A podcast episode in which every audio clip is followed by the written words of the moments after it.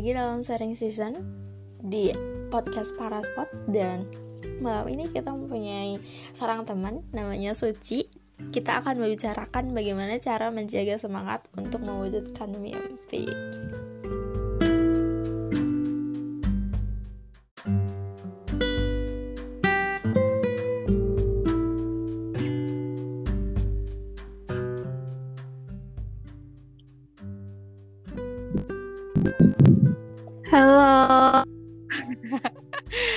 Gini.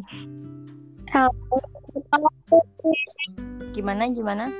Iya bener banget. Selamat datang di podcastnya aku. Selamat datang di podcastnya aku di Paraspot. Wah, ini sangat apa ya?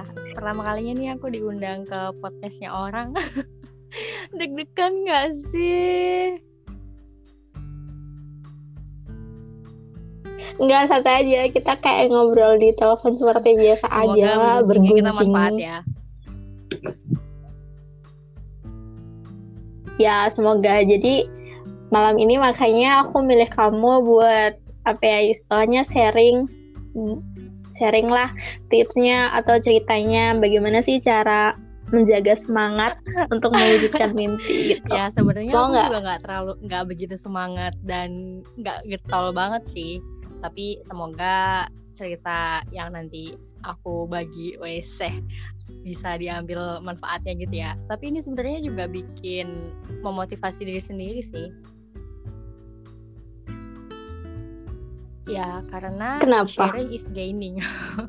Gimana sih? Kadang kita itu eh, semangatnya itu muncul karena sharing sama orang lain gitu. Mbak pernah gak sih kayak gitu?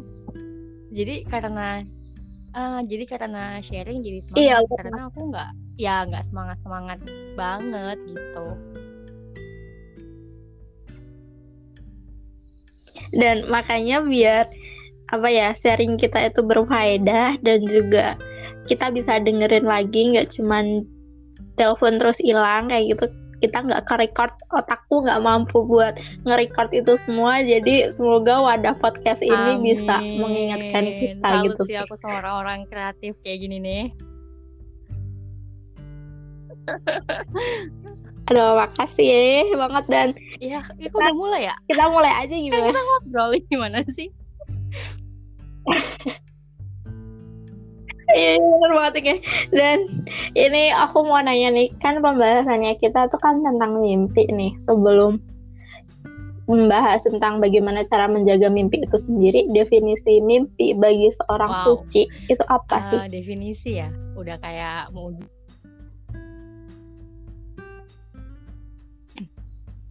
Em, kalau merefer dari apa yang aku baca gitu ya, khususnya aku pernah nih baca bukunya si Fad, Fadepi. Pasti teman-teman yang denger tahu lah ya itu siapa gitu kan seorang penulis. Nah, di mana dia itu bilang bedanya eh, ada beda di antara mimpi dan cita-cita gitu. Mm-mm. Nah, kalau mimpi Apa itu sesuatu kalau mimpi itu kayak sesuatu yang abstrak gitu. Jadi kita tuh pengen tapi kita nggak bisa nggak kebayang gitu loh cara buat dapetinnya tuh gimana. Eh kebayang nggak, Mbak? Nah, tapi kalau cita-cita itu adalah keinginan atau mimpi kita yang kita itu Hmm. bisa eh, mendefinisikannya atau kita tuh punya step buat mencapainya gitu. Jadi kayak tanpa mimpi tuh cita-cita tuh kayak ya cita-cita doang gitu. Tapi kalau dengan mimpi tuh kayak lebih gimana ya? Lebih eh gitu. Apa sih? Gitu sih itu kalau dari buku yang aku baca gitu ya. Tapi kalau aku sendiri tuh lebih suka lebih suka mere- merefer mimpi itu ke goals gitu sih. Kayak goals dan tujuan gitu loh. Sama aja sih sebenarnya. Jadi kan kayak kita tuh hidup eh, pasti eh, apa sih berjalan ke tujuan yang kita mau kan. Kayak misalnya mau jadi apa lah. Nah, itu sih kalau aku berdasarkan mimpi dan cita-cita tuh ke Hmm. arah situ. Jadi ke arah yang kita tuh maunya apa, terus mau mau yang gimana itu ya itu udah mimpi dan keinginan kita kayak gitu. Gitu sih. Agak aneh ya.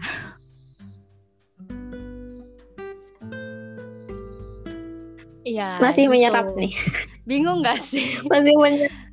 gitu sih jadi kalau menurut aku ya gitu mimpi sama cita-cita tuh sama sama dengan goals yang kita mau kita maunya jadi apa atau kita maunya tuh menggapai apa sih yang kita mau kayak gitu entah itu nanti jadinya goalsnya jangka pendek atau jangka panjang gitu karena kayak ada orang yang bilang kita tuh hmm. hidup bersama dengan hmm. mimpi-mimpi kita gitu terus kalau nggak punya mimpi ya kita nggak hidup gitu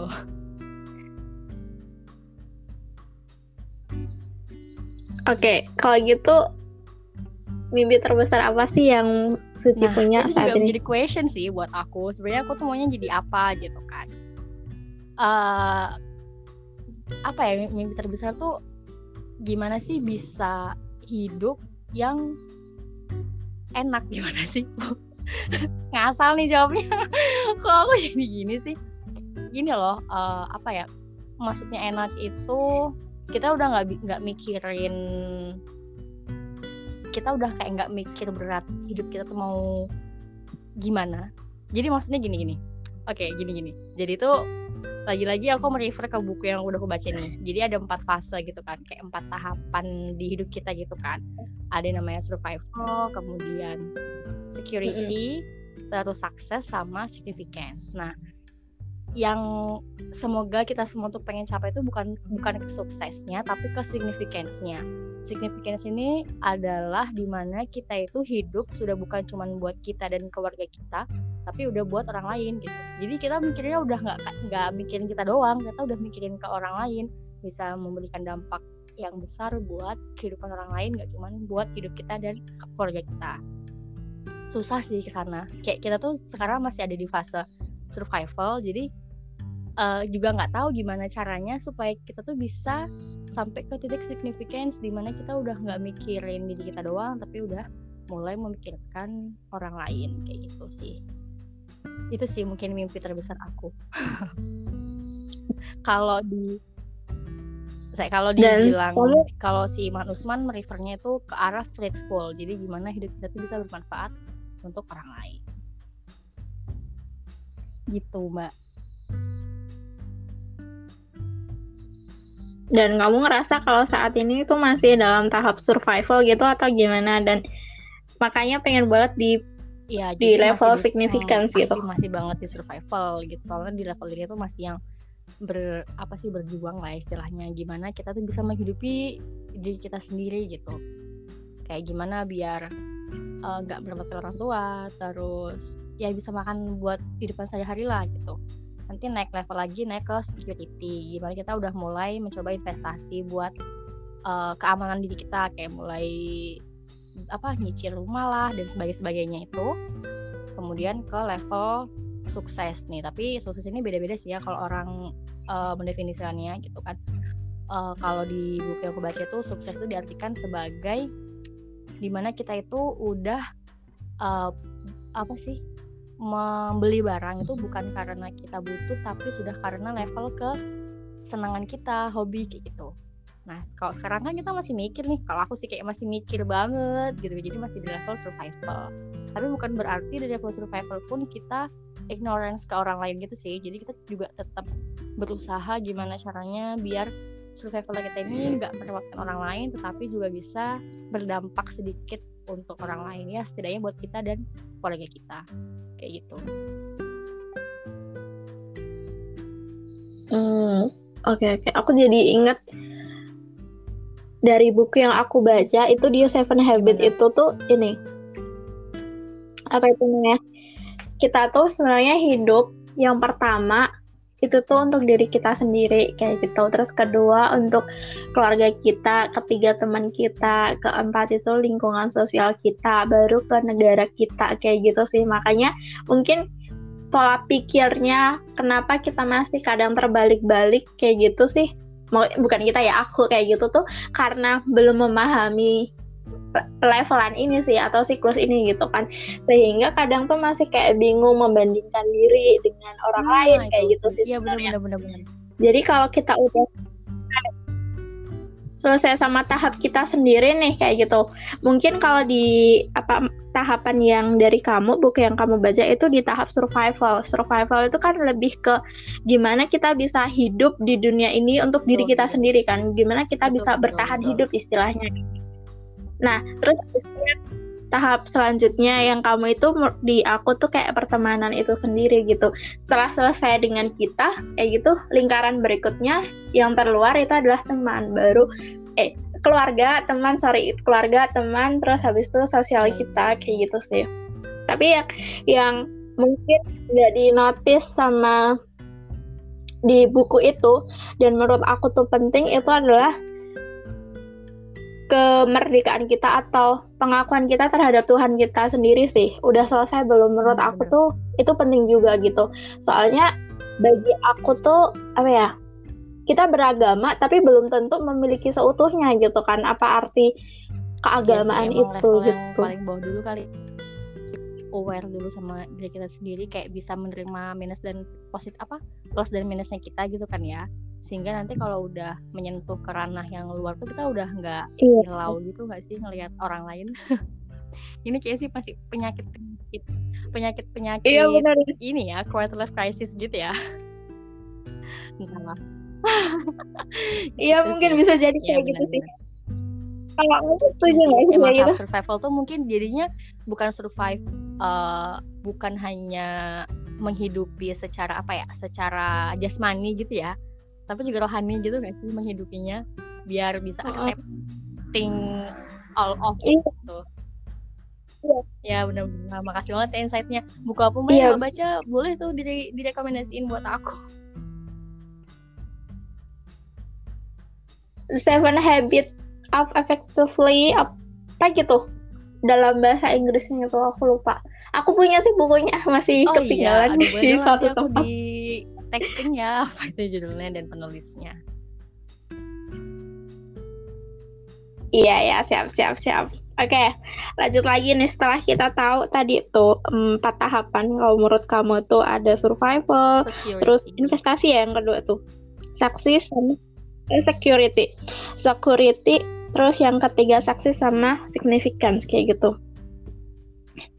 Nah kan kita udah tahu itu tuh tapi kadang di tahap survival itu semangat kita yang naik turun gitu. Bagaimana sih caranya biar aduh tetap semangat gitu kan? sebenarnya karena aku juga dalam proses pencarian gitu loh gimana caranya biar kita tuh tetap semangat terus gitu kan. Tapi banyak orang yang bilang gimana caranya kita buat semangat mm -hmm. itu ya dengan uh, ingat lagi tujuan kita tuh buat apa ya ya gitu. Kayak semua orang bakal bilang kayak gitu sih. Kayak apa yang belakangin kamu buat membuat sesuatu ya itu mm -hmm. yang akan bikin kamu untuk uh, maju terus gitu kan. Mm -hmm. sama sih aku juga gitu sih. Emang kita harus ingat tujuan kita supaya kita itu uh, bisa refleksi gitu. Kayak kenapa sih kamu mau mulai semua ini gitu buat apa gitu. Selain itu menurut aku juga uh, yang penting itu adalah kenapa kita harus semangat karena yang kita lakuin itu nggak cuman buat kita sendiri gitu. Uh, aku percaya bahwa apa uh, kita itu bisa ada di titik kita sekarang itu karena bantuan dari orang lain gitu. Entah itu support dari keluarga teman maupun lingkungan sekitar kita. Nah sehingga kayak apa ya kalau aku tuh uh, kalau aku tuh ngerasa aku perlu bertanggung jawab atas orang-orang yang udah support aku sampai titik sekarang gitu. Ya bukan berarti aku ngelakuinnya buat, buat orang lain emang buat diri aku sendiri sih. Cuman kayak kamu tuh udah disemangatin loh sama orang-orang sudah dibantuin lah istilahnya.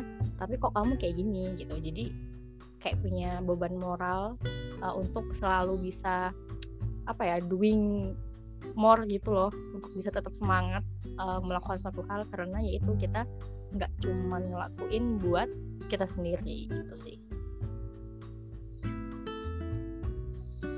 Hmm, jadi ini bisa dibilang bahwa orang lain juga faktor penting yang perlu diperhatikan iya untuk iya menjaga semangat gitu, kita gitu masih. Aku merasa aku tuh di titik sekarang tuh karena banyak banget orang-orang baik yang udah bantuin aku gitu, teman-teman aku yang selalu support, keluarga aku yang selalu support setelah lingkungan aku yang selalu baik ke aku gitu sehingga kalau misalnya nggak semangat tuh kayak gimana ya kayak malu gitu loh sama mereka yang udah support tapi kok aku yang disupport malah kayak gini kayak gitu sih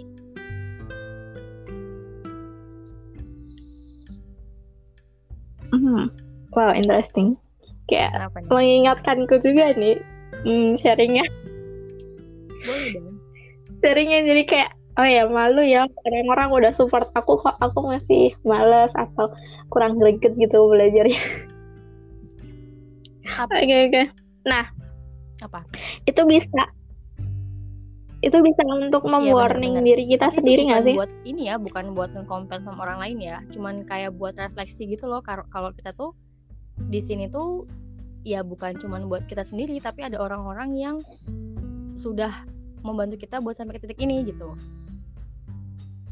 ya buat warning juga sih ke kita Hmm. gimana kalau menurut mbak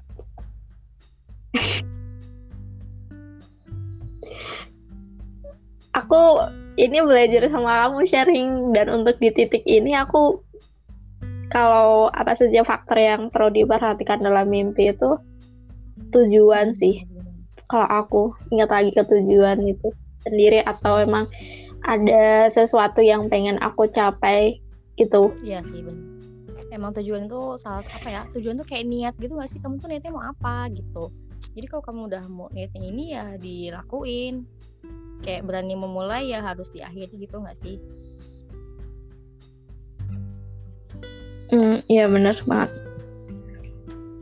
Dan harus berani berjuang juga gitu. Kalau berani memulai benar, harus benar, berani benar. berjuang. Tapi di sini keren nih ada nih eh, Hmm. kalau Iman Usman tuh bilang kita tuh bekerja atau kita tuh melakukan suatu hal tuh bukan buat bos kita atau buat perusahaan kita atau yang lainnya tetapi kita tuh berbuat untuk diri kita sendiri karena kita yang akan mendapat dampaknya gitu Hmm. gak sih ya emang sih kita bakalan ngasih eh, efek ke lingkungan cuman kan tadi kayak kayak mbak bilang yang paling mendasar itu adalah diri kita sendiri gitu kan jadi ya kita ngelakuin baik atau buruknya yang paling Hmm. berimbas tuh ya ke kita sendiri sebenarnya gitu. tapi kalau aku tetap merefer ke orang-orang yang sudah uh, help aku sampai ke titik ini jadi itu yang juga bisa memotivasi aku dan uh, mengingatkan aku kenapa sih aku mulai gitu begitu Makasih Uci. ya gimana Aku jadi refleksi nih. Kan selain mewarning diri kita ya terhadap oh ternyata ada orang-orang yang support kita kayak gitu kan. Kita di sini nggak cuman buat diri kita sendiri meskipun kita di sini yang mendapat impact paling besar, tapi orang-orang di sekitar kita itu juga seneng kayak gitu. Nah, pertanyaan selanjutnya tuh adalah perlu nggak sih mimpi itu kita Revisi ya? revisi? Kalau Ah. aku sih bukan perlu sih boleh-boleh aja kalau perlu sih tergantung ya kita memang mau merevisi atau enggak tapi kalau Hmm. boleh atau tidak tuh tentu sangat boleh gitu karena kita tahu kan kayak keinginan kita tuh bisa berubah se apa sedinamis dunia ini berubah gitu kayak kita sekarang hidup di dunia yang kita tuh nggak tahu ke depan tuh mau kayak mana bentuknya gitu kan. Jadi sah sah aja untuk merubah mimpi itu Eh, jadi ingat juga tentang ini loh apa sih menulis menuliskan mimpi di kertas. Pernah nggak sih mbak? Itu film film apa sih itu yang mm, encourage kita buat nulis kayak gitu? Pokoknya apa waktu aku masih sekolah itu SD eh, SD SMP SMA lah. Kayak rajin banget ngelis gitu kan mau mau ngapain aja atau mau apa sih yang mau kamu dapetin achievement apa goal apa mimpi apa gitu, gitu kan di tuh Mm-mm.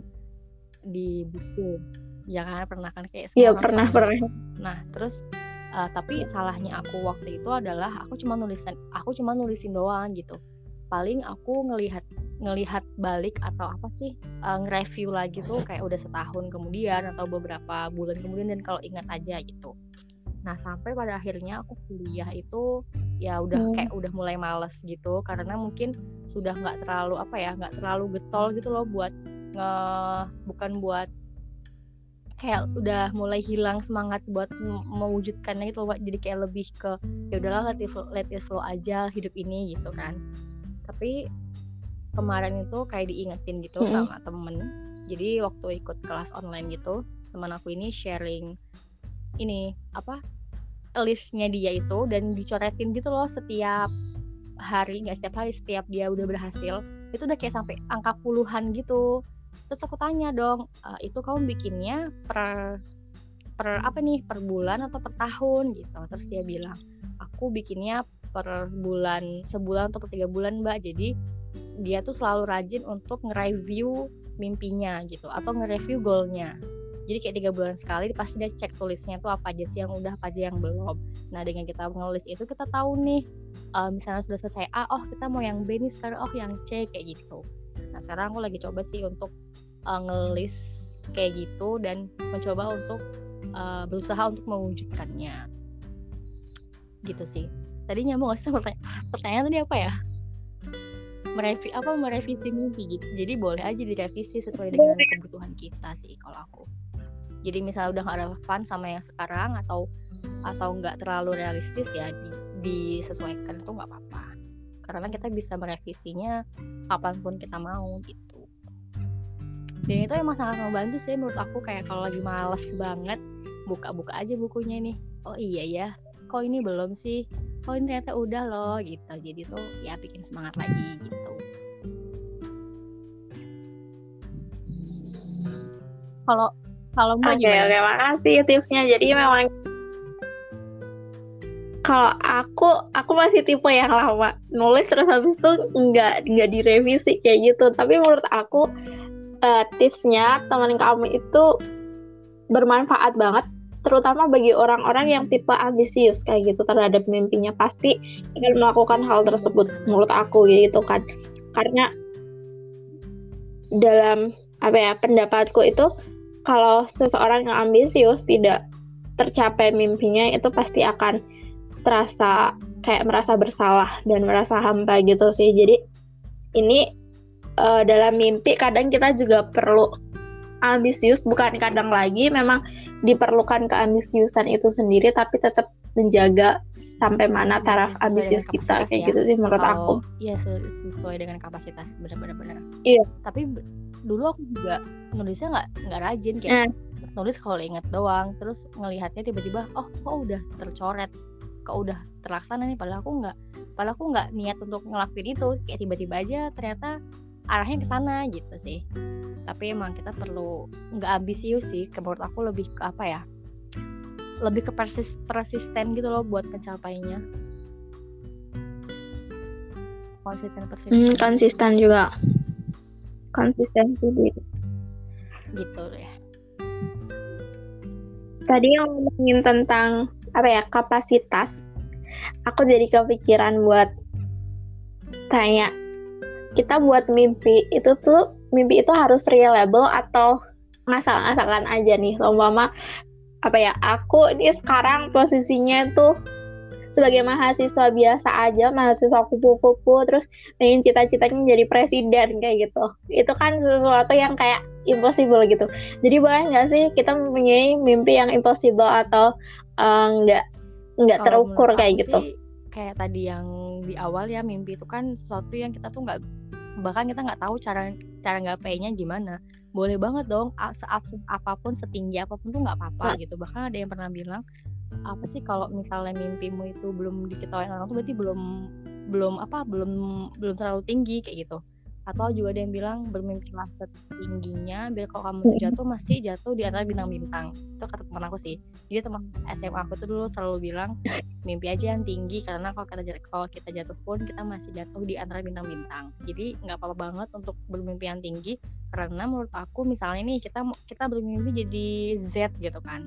Nah ketika kita nggak bisa ke Z mungkin kita udah nyampe Ah. ke S atau ke V kayak gitu. Jadi kayak udah mendekati apa yang kita mau kayak gitu sih kalau menurut aku. Mau itu nggak realis nggak realistis pun juga nggak apa-apa kan namanya mimpi. Tapi kalau misalnya tapi eh balik balik lagi dengan definisi tadi yang cita-cita di mana kalau cita-cita tadi itu kan kita tahu nih cara mendapatkannya gimana. Itu lebih bagus sih. Jadi kita set your goal set your way gitu.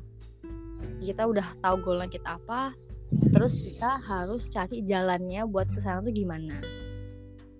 Jadi sah-sah aja sih mau realistis mau enggak. Cuman tetap balik balik lagi ke kapasitas diri kita. Kita kira-kira mampu nggak sih? Jangan sampai kita sampai yang ambisius terus jadi stres sendiri karena nggak bisa ngegapai. Kan itu jadi nggak bagus juga nggak sih iya. Gitu sih kalau menurut aku. Hmm. Oke. Okay. selanjutnya kalau nih. Gimana? Bagi kak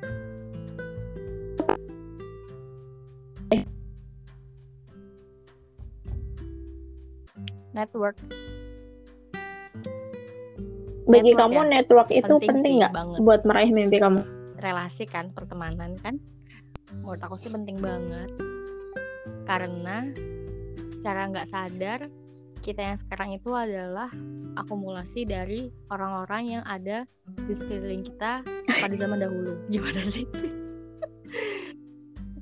Aku nggak tahu kenapa nggak tahu kenapa sih kalau kalau dari aku dari, dari aku pribadi ya aku tuh merasa aku tuh ada di sini karena teman-teman atau orang-orang yang aku temui di masa lampau atau aktivitas yang udah aku lakuin di masa lampau lah yang buat aku tuh di titik ini. Sehingga penting banget untuk menjalin silaturahmi terus relasi kenalan sama orang kayak gitu. Meskipun itu susah banget sih. Aku mengakui aku tuh dulu orangnya beneran yang takut banget ketemu orang. Sekarang masih sih. Jadi aku sampai pernah nih uh, mau ketemu orang baru kan. Kayak udah janjian gitu. Udah nyampe tempatnya nih. Tapi karena orang gak datang datang dan aku udah disuruh masuk ke ruangannya udah kamu duluan aja nggak apa-apa gitu tapi aku tuh saking nggak beraninya aku balik dong ke kosan. Itu kayak udah nunggu lama. Tapi kok aku tiba-tiba balik tuh kayak ngerasa bego. Tapi emang aku nggak nggak berani. Nggak berani itu ketemu sama orang. Tapi uh, pernah juga. Tapi kadang aku juga nge-push diri aku gitu loh buat ketemu sama orang baru. Bahkan aku pernah bermimpi tolong dong ya Allah aku tuh ditemuin sama orang-orang gak pernah ketemuin sebelumnya. Jadi emang bener-bener orang baru yang aku tuh nggak kenal gitu. Jadi tuh bisa ya udah bodoh amat gitu loh. Ya sih kalau ketemu sama orang gak dikenal kan kayak gitu. Oh, oke oke. Jadi jadi penting banget sih buat relasi terus bagi kamu itu sendiri bagaimana sih memanajemen mimpi itu sendiri? Gimana maksudnya ini manajemen mimpi? Biar tetap Iya, gitu ya. tadi yang kita ngomongin kan biar tetap semangat kayak gitu kan. Nah, manajemen mimpi yang di sini aku maksud kamu eh, mengukur mimpi kamu dari jangka pendek, jangka menengah atau jangka panjang kayak gitu juga nggak sih? Terus ukurannya itu apa gitu? Em, gimana ya sebenarnya aku juga nggak terlalu ses- se- sesistematis itu sih buat menyusun apa rencana apa mimpi cita-cita kayak gitu aku lebih ke aku juga sebenarnya bukan orang visioner yang aku tahu banget nih aku 10 tahun lagi mau ngapain atau lima tahun lagi mau ngapain atau setahun lagi mau ngapain tuh aku masih kayak yang abu-abu gitu loh. Tapi yang pasti itu apa namanya selalu berusaha untuk selalu melakukan sesuatu hal yang kita tuh merasa wah banget dibuat kita itu per bulannya gitu. Eh nyambung gak sih mbak? Atau pertanyaannya Jadi di daftar mimpi Uh, uh, men- cara kamu Manajemen. mana- memanajemen mimpi kamu kayak gitu ngaturnya biar oh aku menaruh mimpi A di jangka pendek terus atau enggak mimpi B di jangka panjang kayak gitu. Terus habis itu bagaimana biar kamu itu mencapai atau mengaturnya dengan baik kayak gitu kan. Oke, jadi anggap aja nih ya aku uh, lagi punya sesuatu hal yang pengen aku capai nih ya, sesuatu yang hal yang besar lah istilahnya buat aku yang aku tuh nggak tahu mau gimana dapetinnya ya, mimpi yang aku pengen banget tapi aku nggak tahu cara dapetinnya. Jadi aku set aja goal pendek-pendek yang sekiranya em, setiap bulan tuh bisa aku evaluasi gitu. Jadi kayak tadi setting your goal, terus finding your way gitu kan. Jadi misalnya untuk menjadi si Z kayaknya aku perlu deh nih ke aku perlu ke B dulu nih. Jadi aku melakukan hal-hal kecil dulu untuk nanti nggak tahu ke depannya tuh bisa nggak sih aku nyampe ke Z ku itu. Tapi setidaknya aku kalau misalnya pun nggak bisa mungkin aku udah nyampe ke agak-agak mendekatinya lah. Jadi aku lebih gi- gimana ya? Em, manajemennya ya itu tadi eh, apa? Mengat, eh, menemukan jalan-jalan atau cara-cara yang kita tuh bisa achieve di waktu yang nggak lama kayak sebulan dua bulan tiga bulan kayak gitu. Contoh simpelnya aja misalnya aku pengen jadi dosen uh, plus mm-hmm. praktisi misalnya ya. Nah sehingga untuk menuju ke sana aku kayak nggak tahu nih gimana caranya bisa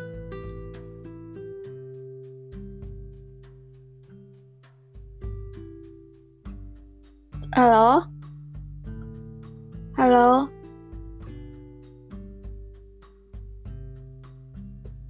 Halo Cici. Belum belum legal buat sorry sorry tadi ke lagi mungkin aku enggak ke apa ya, enggak kedengeran suaranya. Jadi sampai tadi aku pengen jadi dosen sama praktisi. Jadi kalau aku pengen jadi praktisi terus apa yang kamu lakukan?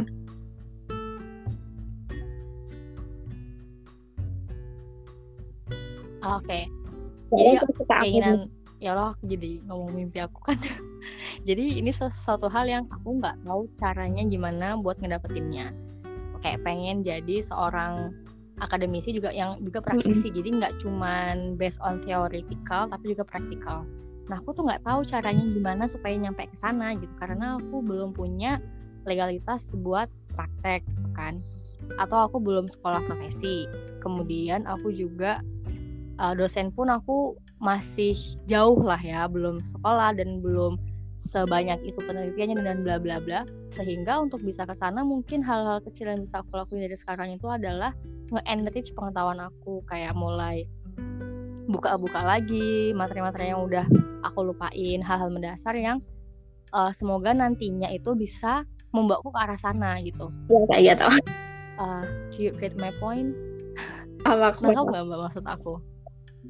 jadi lebih ke apa ya mendek kalau mis kayak misalnya kamu misalnya kamu pengen jadi penulis ya kamu harus me, apa sih membiasakan dirimu untuk ke arah sana gitu gitu sih jadi aku lebih mencoba untuk nge-breakdown hal-hal kecil yang hmm, bisa aku lakuin sekarang ya Allah ini aku semoga Amin. semangat buat aku ya. Oke, okay. tadi kita udah ngomongin tentang apa itu manajemen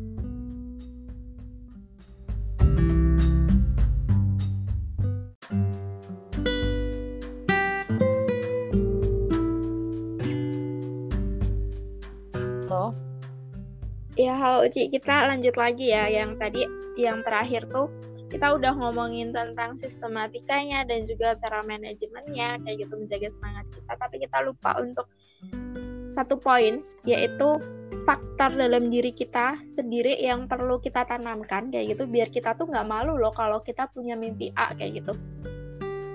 Kira-kira menurut kamu itu apa?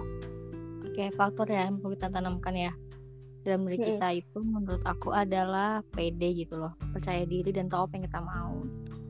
Kayak sekarang tuh aku sih lebih merasa kita tuh kan dihadapkan dengan dunia persosial mediaan yang mana kita gampang banget ngelihat hidup orang lain gitu kan kadang malah kita nggak pede gitu dengan mimpi kita sendiri kayak wah ini kayak kurang keren nih kalau dibandingin sama si A atau kayak ini kurang berdampak deh atau yang sebagai sebagainya atau hal-hal negatif lain yang gampang banget muncul saat kita, saat kita tuh bisa melihat orang lain gitu. Sehingga kita perlu banget nih punya kepercayaan diri dan yakin gitu atas kemampuan diri kita. Ya itu susah sih karena aku juga masih terus berusaha supaya nggak uh, gampang kedistrak sama orang lain jadi itu penting banget untuk percaya diri dan yakin kalau kita tuh bisa mewujudkan mimpi kita dan mimpi kita tuh ya ber apa akan memberikan dampak ke orang lain dan juga ke kita sendiri kayak gitu. Iya, ya jadi yang paling penting ini tuh pede dan juga yakin sama diri kita sendiri gitu. Kadang kita sendiri yang malah meragukan sama kemampuan kita kayak gitu. Mungkin bener banget. Ini bener banget bener banget bener banget. Ah ini dampaknya masih kecil nih kayak gitu. Ya ini belum apa-apa sih yang sama mama mau bikin komunitas. Ah belum apa-apa sih kayak gitu. Iya. Kok uh, aku baru mulai ya sekarang orang lain aja udah sampai level Z kayak gitu. Aku kok masih di level H kayak gitu. Kadang yang meragukan diri kita sendiri itu Nah, iya. pengalaman punya ya, buat ngilangin keraguan itu sendiri ada mungkin kamu punya tips-tipsnya gitu? Oke. Okay. Oke, okay, sebelum ke sana mungkin pernah nggak sih kita tuh ngerasa uh, kita nggak yakin sama diri kita sendiri malah orang lain tuh yakin yakin dengan diri kita kayak misalnya mau melakukan mau, mau melakukan A gitu kita sangat nggak yakin nih kita bisa tapi orang lain tuh malah kayak support kamu tuh bisa Ci gitu misalnya pernah gak sih kayak gitu ya pernah sih. Nah gitu. Jadi kita kadang emang nggak sadar atas kemampuan diri kita sendiri. Um, karena ketutup banyak hal dan aku rasa perlu orang lain untuk mengingatkan. Jadi caranya salah satu cara gimana kita biar pede sih selain uh, sering-sering ngomong sama diri sendiri mm-hmm. apa self talk kayak gitu uh, mm-hmm. dan juga sharing ke orang lain sih yang kita percaya. Karena aku yakin banget dengan sharing itu atau dengan apa ya dengan minta pendapat gitu. Kadang-kadang itu kayak muncul sebuah kayak celing gitu. Oh iya ya gitu. Oh iya ya aku bisa ya ternyata kayak gitu sih. Kalau aku sih kayak gitu mbak caranya.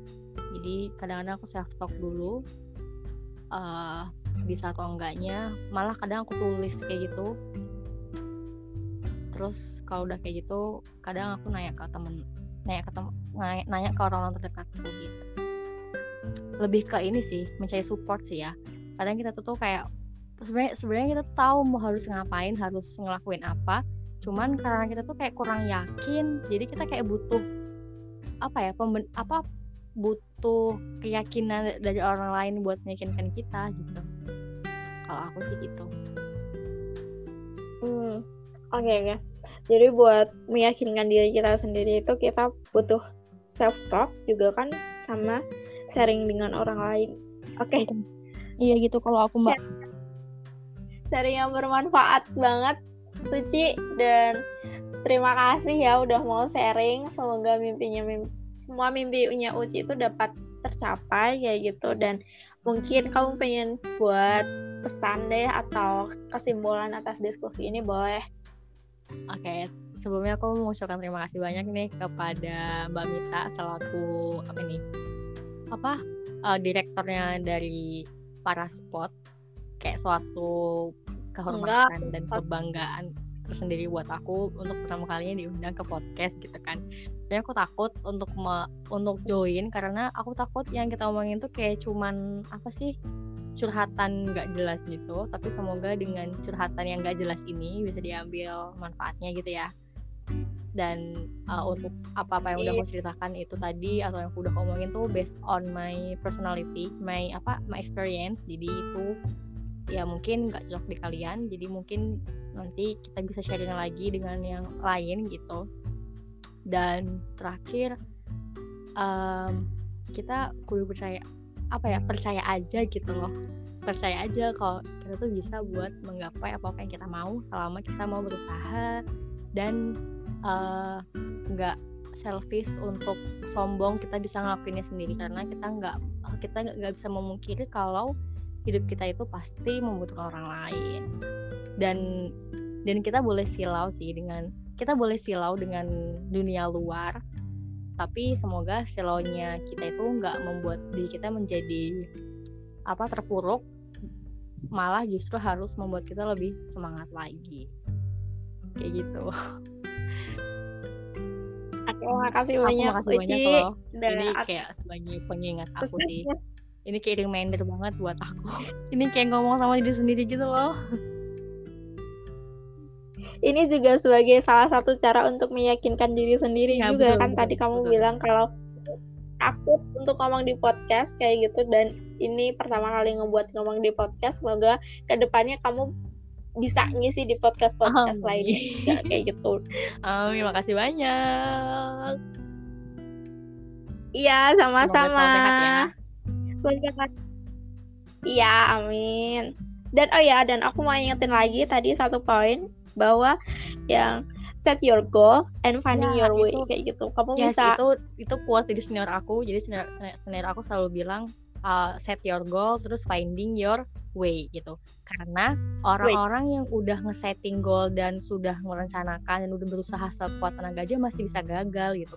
Apalagi kita yang nggak pernah nge-set goal dan nggak pernah nyusun jalannya kayak gitu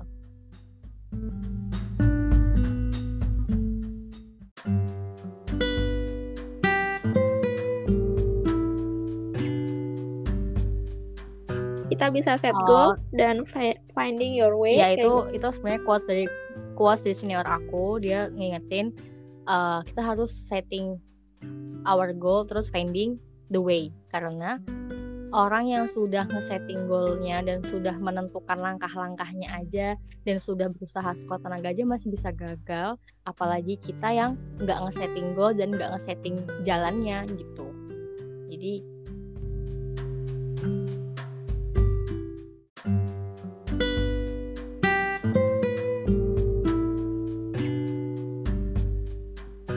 penutup kita punya yel-yel baru nih. uh-uh, Yel-yelnya adalah set, set your goal, goal, finding your way. finding your way. Terima kasih buat aku yang udah ngasih quotes itu buat kita. Oke, makasih Uci. Assalamualaikum. Waalaikumsalam.